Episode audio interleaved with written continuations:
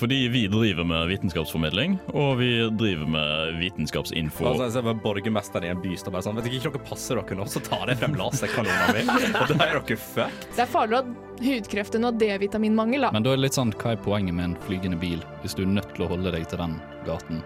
Det Jeg gleder meg til å vitenskape med dere. Du hører på Uillustrert vitenskap.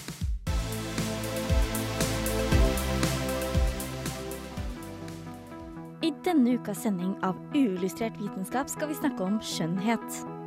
Hvorfor er det så viktig å se bra ut?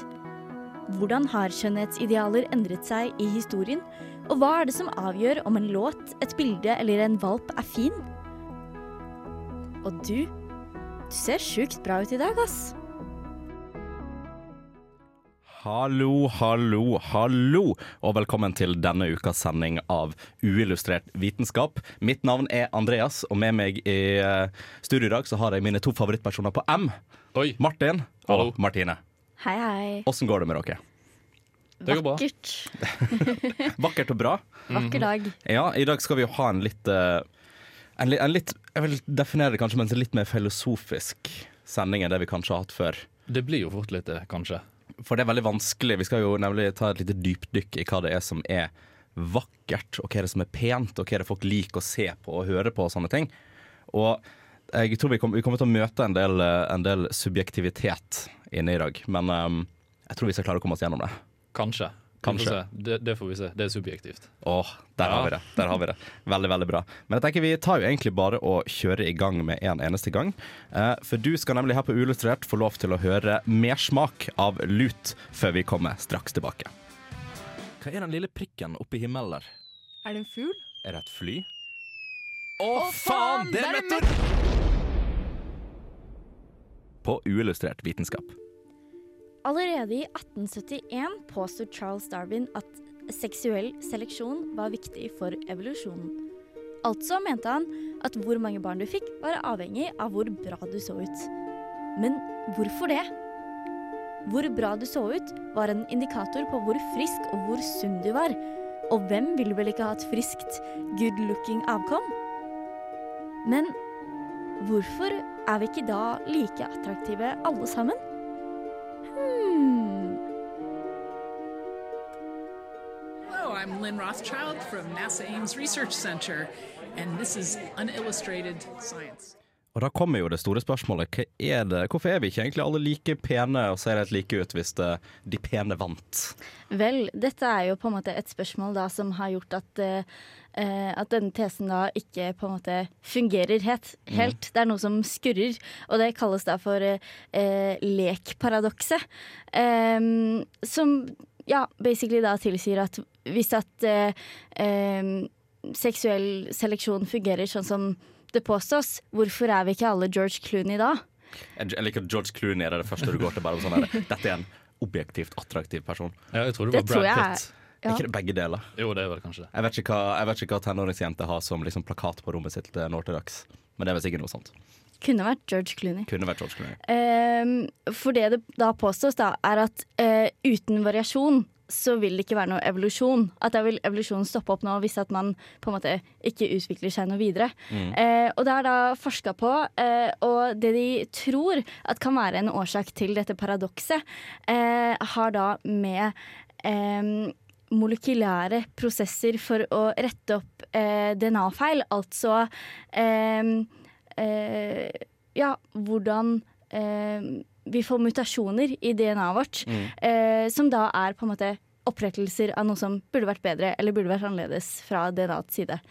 Men åssen er det da man bestemmer hva som må fjernes, og hva som kan bli? Vel, eh, det man ser er jo at eh, dette kan gå begge veier. Fordi noen mutasjoner er jo det som f.eks. kan føre til kreft, er jo cellemutasjoner. Men det kan også være eh, f.eks. Eh, utseendesmessig. Og dette vil jo da føre til at de med på en måte mer mutasjoner eh, vil se ulike ut.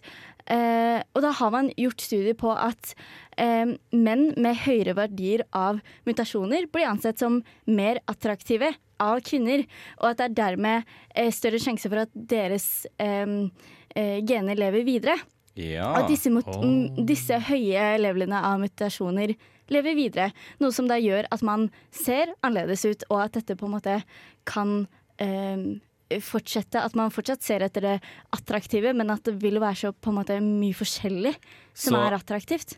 Ja, for det ser jeg jo tenker litt på når det kommer til liksom attraktivt. Altså, opp gjennom tidene og allerede nå så er det mye som defineres som attraktivt fra liksom, altså Hva er attraktivt på TV? Hva er attraktivt Mm. liksom, den gemene hop i gata og ting sånn som det. Ja, og synes vi det samme er attraktivt? Sånn, er det, er det subjektivt, eller er det objektivt? Og det er jo en veldig stor diskusjon. Da, vi er òg på det ganske sånn filosofiske Det blir veldig fort filosofisk. Det er jo et, eh, et, eh, vakkert quote som heter 'Beauty is in the eye of the beholder'. Ja, Ja. den, men den, den legger jo til grunne veldig mye av hvordan man tenker på det med, med, med skjønnhet. da.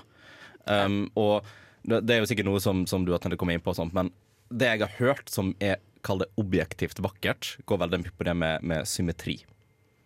Det å, ha et, eh, det å ha et symmetrisk ansikt, det at det, det ene øyet ikke er litt lenger oppe enn den andre, ting sånn som det, det mener mange at er en objektiv, objektiv tiltrekning. da. Absolutt. Og det er i tillegg funnet andre på en måte trekk da, som eh, gjennom veldig veldig mange på en måte, undersøkelser så har de konkludert med at dette er det i hvert fall eh, majoriteten anser som eh, vakkert. Å nei, jeg tenker Hvis jeg ikke har dette her nå, så kommer jeg til å bli skikkelig sånn self-conscious. ja. det, det er veldig, veldig på en måte basic ting som ja, eh, at du har et symmetrisk ansikt. Mm. Eh, at du på en måte er fint eh, proporsjonsmessig, hele deg. Mm. At armene dine ikke er dobbelt så lange som kroppen, f.eks. Ja. Det er også et uh, kriterium. Check. Eh, også alder. At du ikke er eh, kjempegammel eller kjempeung. Mm. Eh, Det er for så vidt en bra ting, syns jeg. At det er ikke ting det som er er, passende. er veldig passende. Ja. Ja. Mm. Eh, og eh, seksuell eh, dimorfisme, som da vil si på en måte eh, maskulinitet eller femininitet, og ja, eh, hvor langt du er ute på denne skalaen, eh, skal gjøre deg mer vakker eller mer attraktiv da, hos Dette er vel veldig sånn eh, Det er vel kobla opp imot typ, ja, seksualitet og, Ja. og identitet og mye sånn. da.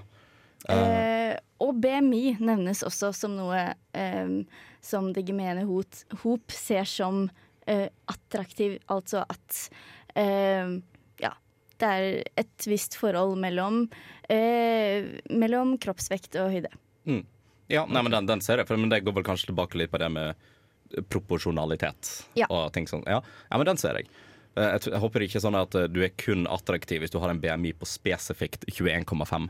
eh, Som er vel det som er Jeg tror det er midten av Ja, det normalvekt. ja, Tviler sterkt. Men så uh, har jeg også funnet en studie på det, fordi at uh, man blir jo veldig Og det er jo uh, det er mye fokus på eh, i dag, hvor mye media har å si for hva man anser som fint og ikke. Og da blir det jo mer Ja. på hva slags inntrykk man har, og eh, hva man ser. Og da har det blitt gjort en test på eh, et stammesamfunn hvor de ikke hadde tilgang til noe, noe form for internett eller kommunikasjon i det hele tatt med på en måte omverdenen.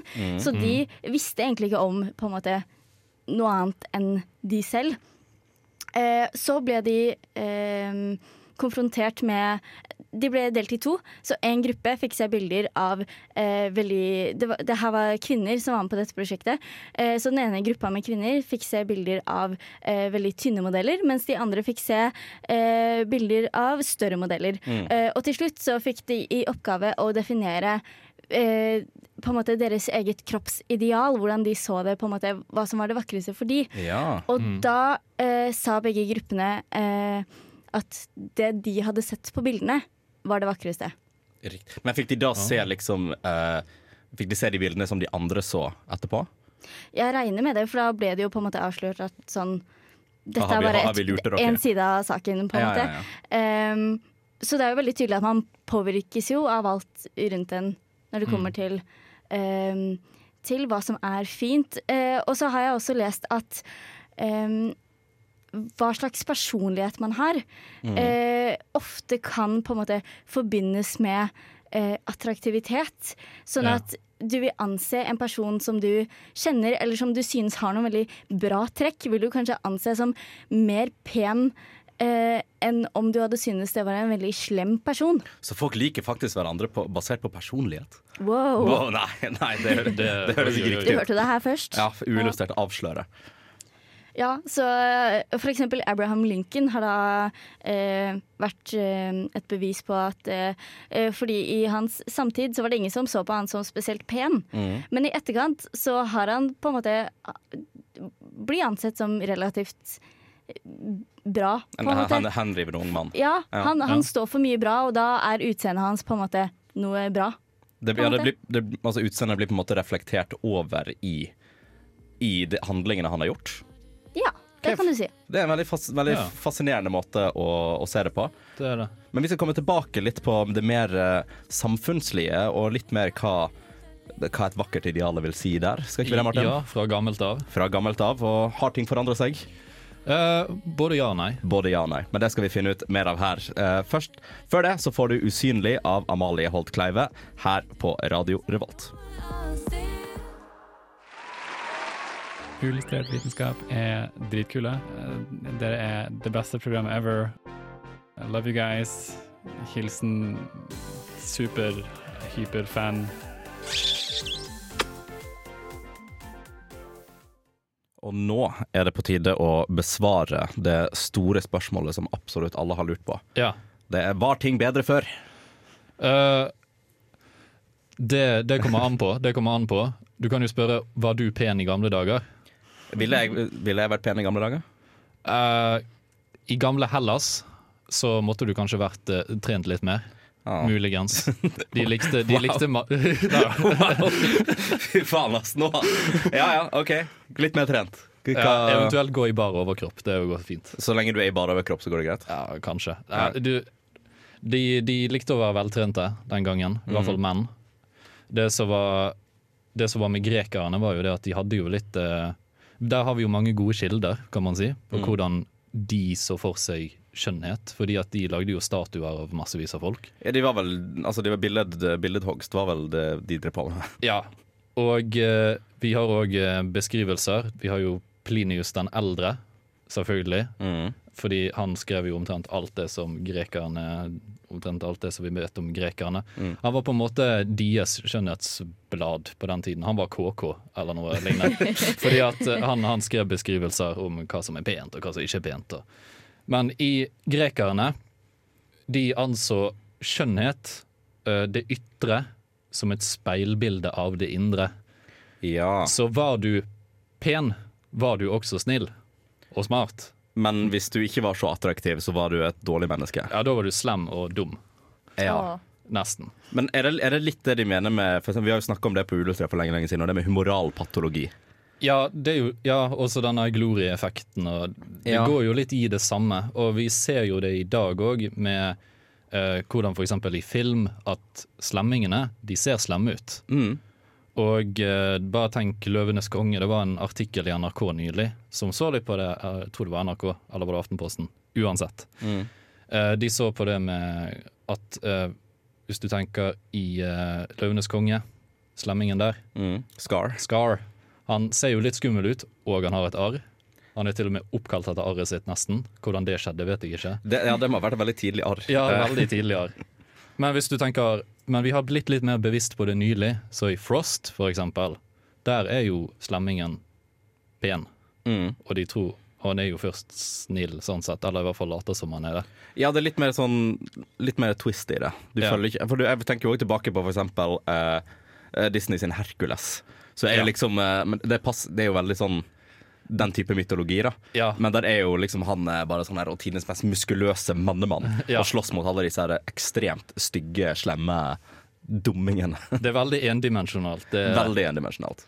Og eh, det har jo vært litt sånn med En ting som jeg har lest om, er jo James Bond. I bøkene så har han visstnok et arr nedover høyre kinnet sitt. Okay. Det har han ikke i filmene.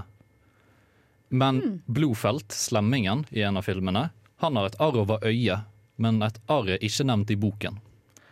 Så det, det er forskjell på bøker og filmer når det kommer til sånne Men er det da et uh, resultat av tid? Altså at når de kom til liksom å adaptere filmen uh, fra boka, så fant de ut av vet hva, vi tar og endrer litt på det? Ja, det var nok ikke så lang tid mellom boken og filmen. Nei, det vet jeg. Min James Bond-lår, jeg beklager, den er ikke helt på topp. Nei, det var, det var ganske samtid. Ja, okay. han, eh, han Ian Fleming likte visst også Sean Connery, han som skrev bøkene. Kan man Ja, si. riktig også. Gjerne for all del. Så ja, Hvis vi går tilbake til Hellas, da. Ja. De hadde jo òg skjønnhetskonkurranser. Uh, og der var det sånn at uh, menn, det var store muskler. Mm. De tok liksom og tok sånne bånd rundt musklene, altså biceps og sånne Bare ting. for å liksom vise hvor Ja, absolutt store de Hvis er. du vant bicepskonkurransen, så fikk du et bånd rundt bicepsen din. og sånne Så det er akkurat som sånn bodybuilding i dag. Ja, på en måte. Ja. Og kvinner derimot, der var det litt motsatt, for der var skjønnhet ofte litt sånn mistenkelig. Altså at det kanskje var Man var litt slem hvis man var pen. Oh. Oh, litt sånn, jeg kaller det litt sånn arrogant type, på en måte? Eller? Nei, at det kanskje var noe litt farlig med pene damer. Litt sånn huldra, som er liksom pen og skal lokke, og så bare Å nei, det er en heks. Ja, litt sånn der type sirens og ting sånn som det litt sånn menn ikke klarer å kontrollere seg i tanken. Ja, ja, ja. Kanskje den. Uh, og det som òg er litt spesielt, er jo det at uh, Litt annerledes fra i dag, og, eller kanskje ikke annerledes. Uh, vi kan si store bakdeler på damer.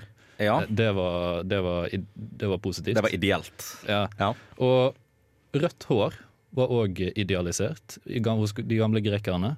Som okay. er rart, fordi det var litt motsatt i middelalderen. Der det var litt uh, ansett så litt mistenkelig, det òg. Ja, det Så, så man har noen ting som endrer seg, og noen ting som mer uh, holder seg. men det er jo, det er jo, det er jo kjempeinteressant. For at, altså, hvis du tenker moderne samfunn nå i dag, da, så vil jeg jo si at muskler er jo fortsatt en, en, en bra ting. De fleste, fleste assosierer muskler med, med, med en god ting. Mens i typ uh, renessansen var vel kanskje mer sånn OK, det at du var litt mer tynnere og litt mer, hadde bare en god posture, det gjorde at du var sett på som mer attraktiv eller mer uh, høytståelig. da. Ja. Så i skjønnhetskonkurranser for eksempel, så var kvinner mer vurdert på hvordan de gikk og sånne ting. Det var, Men det er jo altså, det har jo, altså, Catwalken finnes jo i dag òg, så den, den gjør jo det. Så det er noen ting som har holdt seg likt, og noen ting som har endret seg. Og hvis vi hopper noen år framover til romerne, så eh, har de òg litt det samme. Og det som òg går igjen, der skulle kvinner ha litt bleike ansikt og Mm. store, mørke øyne. Uh, det som er også litt rart, det er jo det at det var jo stort sett menn som skrev om disse skjønnhetsstandardene. Det er jo det vi har kilder på, det er jo hva menn skrev om ja.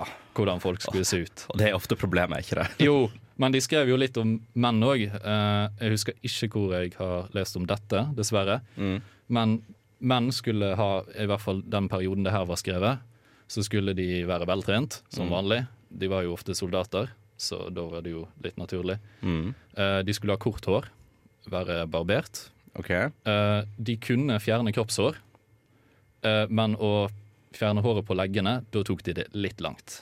Og det var for mye. Det var litt for mye. Så du kunne fjerne håret på, på, på brystkassa og under armene og sånt, men Ja, ja, men leggene da. Nå, nå går du over til i dameterritoriet. Ja, OK, ok, det blir for feminint, rett og slett. Ja. ja, ja, ja. Eh, og eh, ja, og så snakker vi jo litt om det der med hvordan eh, ansikt og hvordan du oppfører deg. Mm. Det går jo an å dra det fram til sånn fysiognomikk, tror jeg det het. Fysiognomikk, det var et gøy ord. Ja, Det liker jeg. det er litt den derre har du høy panne, så er du smart. Ja, ja, ja, at du, du kobler det opp mot uh, Ja, attributter kobler du opp mot Så- fysiske Høyt hårfeste har mye med intelligens og å Tydeligvis. si. Ja. Tydeligvis. mm. Uh, det, har jo, det er jo ikke en vitenskap nå lenger, Nei. heldigvis, kan man si. Men dette var vel så rundt samme tid hvor de drev liksom borra i hodet på folk for å kurere dem, så Ja, i hvert fall ikke langt unna. Nei. Så, så, og det var jo òg rundt den tiden Litt seinere begynte man jo å måle hodeomkrets og alt det der. Ja. Uh, enkelte trekk var sånn her Ser du sann ut, så er du kriminell. Ja, ikke Så, sant? så selv om man hadde gått litt vekk fra det greske bildet om at skjønnhet er lik eh, god og snill, Mm. så var ikke det helt vekke. Nei, det var, det var ikke alltid at eh, Nei. Men Og det, man ser det litt i dag òg. Man ser det litt i dag òg, og det er jo Vi har jo en del rare skjønnhets, eh, skjønnhetsidealer som fortsatt sitter igjen. Ja. Uh, men det vi skal utforske nå snart, er litt det om kunsten sin verden. Altså hva, hva kunst og musikk å si for Eller hva, hva regnes vi som god musikk og god kunst? Så jeg kan si det på den måten. Men før det så skal du få høre 'Question' av Finding Neo her på Radio Revolt. Because I can tell you something, and then you just look at me and say I'm crazy. What do you think tap water is? It's a gay bomb, baby. Altså, det er det en ting du må forstå, og det er jo at vaksiner faktisk gir autisme. Myndighetene prøver bare å sprøyte oss gjennom flystripa og chemtrails. Feministene tar over verden, og det er regjeringa sin skyld. Nå er ikke jeg noen ekspert, men det her er jo åpenbart. Det er snø i mars i Trondheim, så jeg har ikke sett noe til global oppvarming. Og så må vi jo snakke om 9-11. Alt er bare en konspirasjon. Kunst er kanskje en av de mer subjektive tingene som finnes i universet vårt. Wikipedia kommer med definisjonen kunst er en fellesbetegnelse på menneskeskapte fenomener som blir laga for å dekorere og for å dele en opplevelse, fortelling eller følelse. Og dette er jo vagt nok i seg sjøl. Dersom du drar på et galleri, så kan du enten bli trollbundet av alle de vakre maleriene du kan se der, eller så kan du finne deg sjøl stående der med et ganske stort spørsmålstegn over hodet. Alt som faller innenfor definisjonen kunst, er veldig subjektivt. Men finnes det noen fellestrekk som gjør at folk blir mer interesserte i enkelte typer kunst?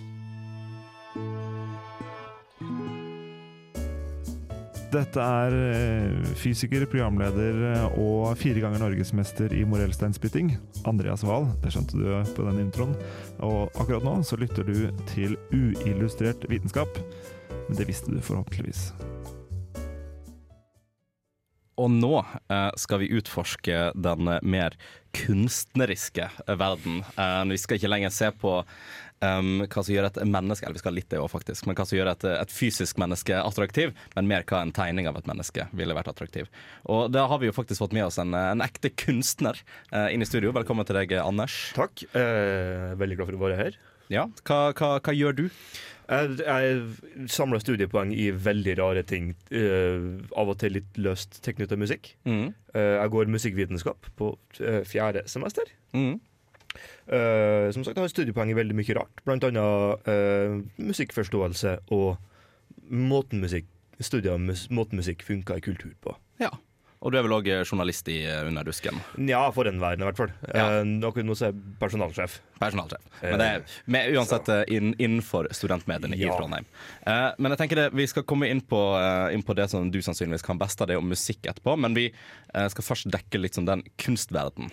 og her har jo jeg vært på, på letning på det, på det store, vide internettet. Og det er det er så vanskelig å beskrive kunst. Spesielt liksom de type billedkunst og malerier og alt mulig sånt. Fordi kan man si at dette her er objektivt, uh, objektivt pent? Nei. Man, man, kan si litt, kanskje. Ja, ok, fine, fine malingsstreker. Men mm.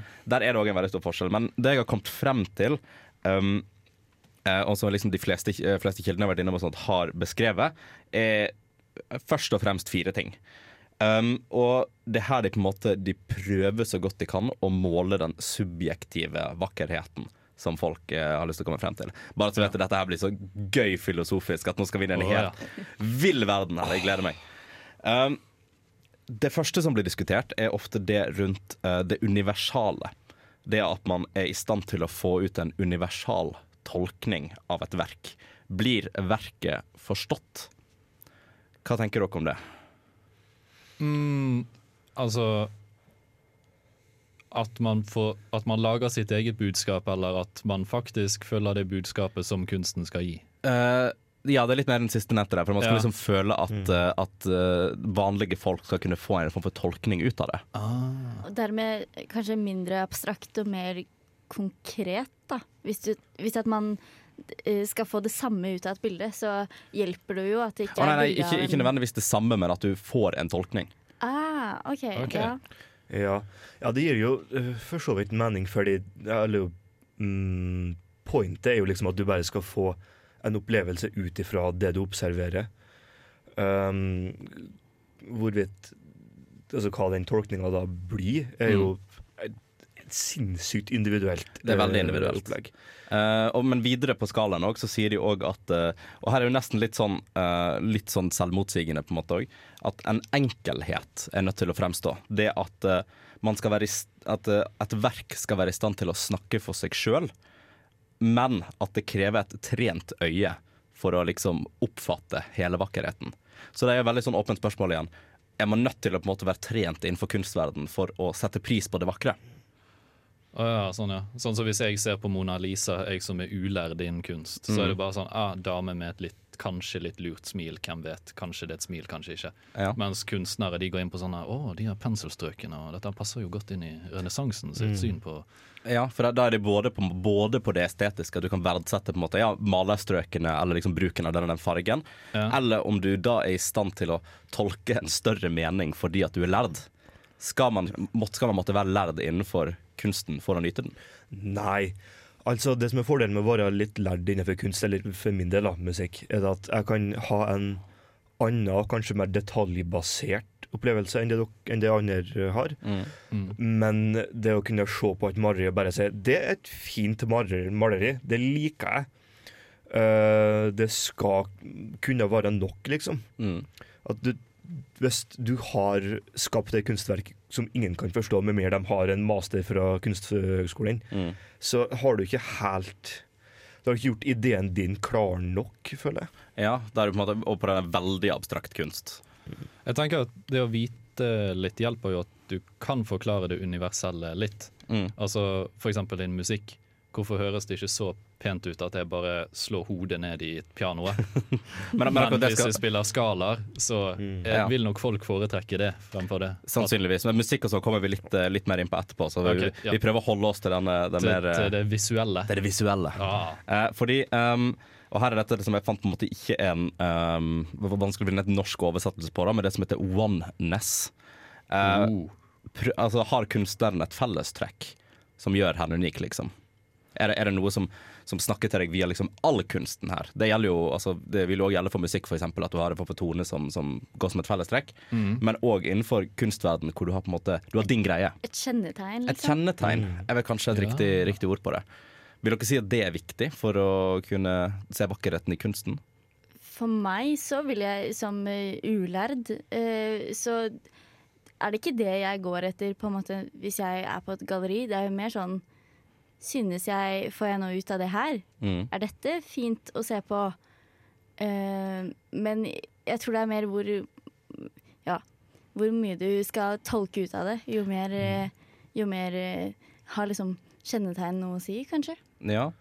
Uh, altså, men det er jo også sånn hvor mye hvor mye skal man tolke ut av et, eh, av et kunstverk òg? Altså, hvis du har eksempel et bilde av en, av en strek, så kan du jo på en måte si at å nei, dette her og det virkelig representerer hele, ja, hele kjønnsbalansen i samfunnet. Da. Så Ja. er det sånn, det, men det var ikke det han mente. Nei, Um, det, Mm. han skulle bare lage en gøy strek, han. Ja. Jeg tror det er veldig viktig å ha en sånn gjenkjennbar stil i kunsten din. Ikke nødvendigvis bare for å skape et sånn herlighetlig inntrykk av det sånn, porteføljen din av kunstverk. Mm. Men òg litt for eh, å skape en fanbase. Fordi hvis folk skal være tilhengere av det du skaper, så må de kunne kjenne igjen ting i det. Og det, så, det var en sånn um, uh, belønning du får når det er sånn Å ja, men den, uh, det maleriet er fra den kunstneren. Nå var jeg flink fordi jeg kjente igjen det. Mm. Så sånn, tenk, Hvis du tenker på sånne malere som uh, Arnold Dalslett, som har en sånn Han har en ekstremt gjennomført stil, Mm. og alle bildene hans er nær sagt De er ikke like, men de har veldig mye samme gjennomgående motiver under fargene.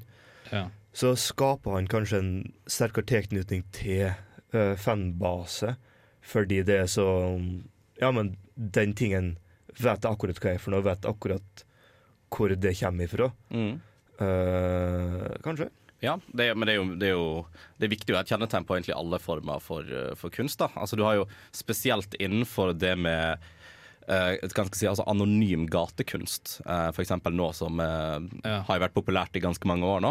Men der har du jo kjennetegn som gjør for det. Du, har- du har ikke nødvendigvis en, en, en signatur, men du har mer bare et kjennetegn for å vite at OK, dette er han fyren her. Dritfett. God rebel. Fuck society. Ja, Eh, du, du kjenner på en måte igjen en dolk.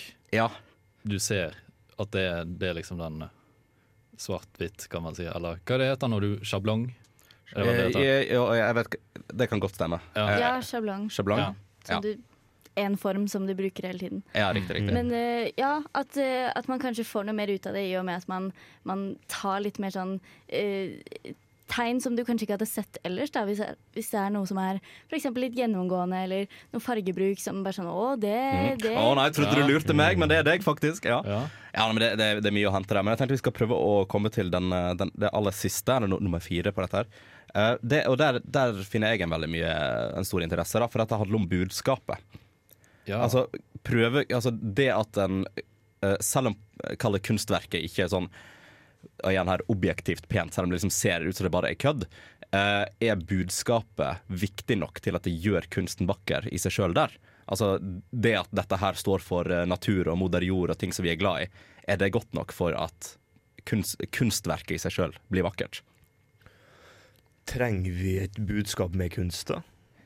Er det ikke, bare at sånn øh, Sett du bare maler en strek da på et Mm. hvitt lerret, og så kommer folk da og spør når du kommer på utstillinga Ja, ja øh, herr Riple, hva handler dette, styk, dette maleriet om? Det er sånn, nei, men det var en strek, du. Jeg vil- jeg strek. vil- jeg vil ha en strek, og så Vi malte jeg en strek. prøver å finne mening der hvor det ikke er mening. Ja, veldig sant. Det er en veldig veldig menneskelig natur å gjøre. Det er jo samme grunn til at vi mennesker på en måte, vi klarer å se ansikter overalt der det ikke er ansikter. Uh, og det er jo faktisk en del innenfor typ, kunstverden da, hvor vi ja, ser mening hvor det ikke nødvendigvis er. Men det er jo noen som altså, Jeg tenker, tenker jo spesielt på litt mer konkret kunst, hvor du på en måte kan se veldig tydelig hva dette er for noe. Der kan budskapet komme veldig hardt frem. Altså F.eks. i tidlig eh, tidlige eller politiske malerier, ting sånn som ja, gatekunst, ting sånn som det. Um, der kommer budskapet veldig, veldig fint frem. Altså, du har for eksempel eh, sånn te politiske tegneseriestriper. Det er jo kunst, det òg, på en måte. Um, og de illustrerer jo veldig budskapet, uh, men er det da skal Hvor skal liksom grensa gå på om dette her er pent, eller om dette her har et budskap? Det er vanskelig å finne ut av. Men jeg tenker jo at uh, vi er bare nødt til å ta turen over til den musikalske verden. Uh, for nå skal vi egentlig se litt på hva det er som gjør musikk vakkert. Uh, er, det, er det som, som Martin nevnte i stad, at det holder det at det liksom, du slår hodet i, i bakken eller i bordet for at det skal være fint, eller må du faktisk ha litt, litt toner inni der òg? Det skal vi finne ut av, men før det så skal du få høre 'Greedy Little Thing' av Great News her på Radio Revolt. Vitenskap er kjempegøy, og derfor er også uillustrert vitenskap kjempegøy. Det er kalas, for å si det sånn. Her på Radio Revolt. Det skal jo sies at det er um, Det var et par ting som vi, som vi glemte å nevne eh, Ja. tidligere, akkurat når det kommer til typ, eh, maleri og ting sånn som det. Og det er jo at det finnes jo eh, Kall det i hermetegn oppskrifter eller virkemidler man Mm. kan bruke for at noe skal bli mer pent. Eksempel det gylne snitt, eh, som brukes av ja, fotografer og illustratører og egentlig alt mulig sånt. Um, og så var det, altså, er det vel litt det med forgrunn og bakgrunn. Ja, og litt eh, I hvert fall det vi eh, lærte litt i kunst og håndverk, var jo litt det der med sånn to tredjedeler bakke, en tredjedel himmel, eller motsatt. Litt avhengig av hva Mm. du skal male. Men eh, ja, så det er jo spørsmålet om er, er det sånn at Er det fordi at vi fulgte disse her virkemidlene så lenge at kunsten står kunsten i ro? Jeg vet da faen. Jeg, det er tør, ting som jeg ikke tør å uttale meg om. Men ting som jeg tør å uttale meg om, er musikk. Eh, og eh, åssen finner man ut om musikk er bra eller dårlig? Du er gjerne veldig, veldig, veldig, veldig rart. Du hører på det. Oh. Ja. Wow. uh, musikk uh, og kvalitetsfølelse av musikk er noe av det mest individuelle i verden. Um, og den eneste måten egentlig uh, finne ut om musikk er bra eller dårlig, er om musikk er bra eller dårlig for deg. Og da må du høre på det. Ja. Du kan jo, det er jo litt sånn uh, forskning gjort på hvorvidt uh, du syns musikk er bra fordi du har hørt det flere ganger. Mm. Så sånn type Hvis du hører en poplåt på, på radioen og tenker Nei, den var litt sånn halvdvask, øh, ikke noe særlig. og så hører du den fem ganger igjen den uka, så blir hjernen din trent opp til den låta, og da plutselig syns du at det er bra igjen. Ja, men det, det, jeg ønsker også å dra, apropos når du sier trent opp, um, så ønsker jeg å dra en litt sånn parallell til, eh, til det med, med billedkunst. da. uh, det om, er nødt til å trene seg opp for å liksom kunne høre skikkelig at musikk er bra eller dårlig? Eller at det er vakkert eller ikke vakkert? Nei, du, jeg tror du hører mer liksom øh, hvordan strukturene i musikken er. Men øh, Altså, hvis jeg nå sier dette her altså, Det er litt det der, Martine. Se, se en artist du liker. Se En artist? Ja, noen du liker. Eh, musikken, noen nummer fire. Jeg synes nummer fire Jeg har hørt på musikken til nummer fire, og du tar feil. Og jeg har rett fordi jeg har studiepoeng i musikk. Hvordan føler du deg da? Da, da tror jeg ikke at vi er så gode venner. Nei, akkurat. Ja. Så um, jeg liker jo for øvrig nummer fire. Det er jo kjempe, Nummer fire er veldig bra. Det er kjempebra. Um, men det er noe med at selv, altså følelsen din av selvverd er veldig sterkt knytta til din individuelle oppfatning av musikk. Mm. Og hva du syns er bra, og hva du syns er dårlig. Det var veldig identitetsbasert. Altså, jeg vet i hvert fall altså, i, min, uh, I min oppvekst, da jeg var ung, øh, så var jo musikk en veldig stor del av identiteten min. Det at jeg satt og hørte på Lincoln Park og Green Day, gjorde at jeg liksom ble han fyren som hørte på Lincoln Park og Green Day. Det var liksom, ja, litt uh, wannabe-punker. Og det ble en del av identiteten min, og det, det, var, det var gøy. Uh, men det er vel ofte sånn med, med musikk ellers òg. Um, men noe som jeg òg finner igjen som er et sånt diskuterbart spørsmål på internett, da, er det å koble opp rytme mot harmoni. Og hva som liksom, hva jeg responderer meg mest på. Fordi veldig mange sier at okay, det viktigste for meg når det kommer til om musikk er vakkert eller ikke vakkert, så er det om det er rytmisk verdi der. Altså Går det i en fast rytme, eller er det out of place? Hva, hva tenker du kontra det og harmonisk, da, hvor det var sånn det er viktig at notene og tonene passer sammen?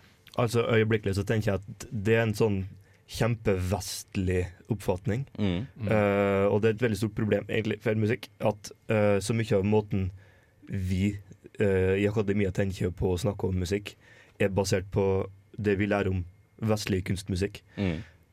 Andre kulturer har ikke overhodet samme forholdet til harmoni som det vi har. Mm. Um, der er det her konseptet med at toner skal klinge sammen og det skal høres bra ut, er veldig vestlig. Ja. Mens det er andre kulturer som har enten musikk som er uten rytmisk definisjon, eller uten harmonisk definisjon. Og de synes fortsatt det er fint å høre på.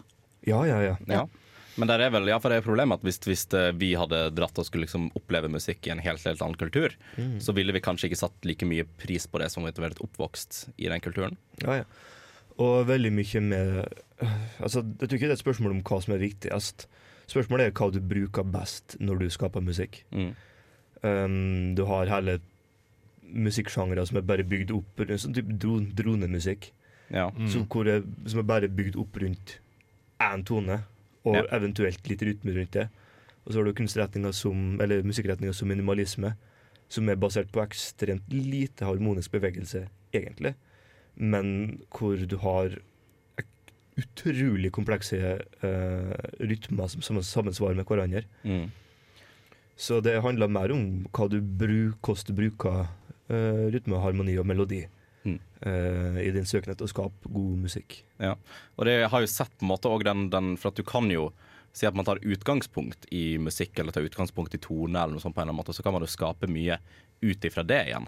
Og jeg synes det er en veldig veldig interessant YouTube-video, jeg husker ikke helt hva den heter, men det handler om at man bruker en, en spesifikk rytme til liksom å sprette um, sprette noen baller rundt på uh, en maskin, uh, og de genererer disse tonene videre. Så hele musikken er bygd opp på eh, bare konseptet gravitasjon. Uh, og det i seg sjøl Det er jo ikke bare musikken der som er den store kunsten, men det er jo hele liksom det svære maskiner som er bygd ut av dette her. da Det er nesten som en sånn Rube Goldberg-maskin, bare for Mm. at du lager musikk ut av det, og at den går på en loop hele tiden. Um, men det er altså Ja, når vi diskuterer musikk, så er det vanskelig å, uh, å komme frem til det. Men jeg, jeg, jeg har tatt en tur inn på, på forumet. Eh, bare, bare for å se litt hva, hva folk mener. Uh, så jeg sier ikke dette her har noen base i, i vitenskapen. Um, men veldig mange snakker om at når de skal definere det som er god musikk, så handler det om at de må finne en eller annen form for personlig connection med det. Um, og da som regel liksom, ok, koble det opp til noe du har opplevd, eller koble musikk til en viss følelse, og da at du hører på den musikken igjen når du har den følelsen.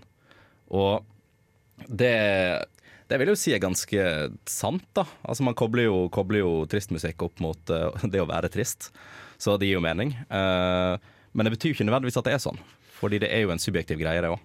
Ja, til en viss grad. For jeg tror musikk har en sånn ekstremt interessant evne til å speile dine følelser. Mm. Og liksom eh, på en måte rydde opp i altså Nøste opp i trådene av følelsene dine. At det å være menneske det involverer et fuckings utrolige mengder med kompliserte følelser Mm. som ingen vet hvordan de skal takle. Ja, det er ikke peiling.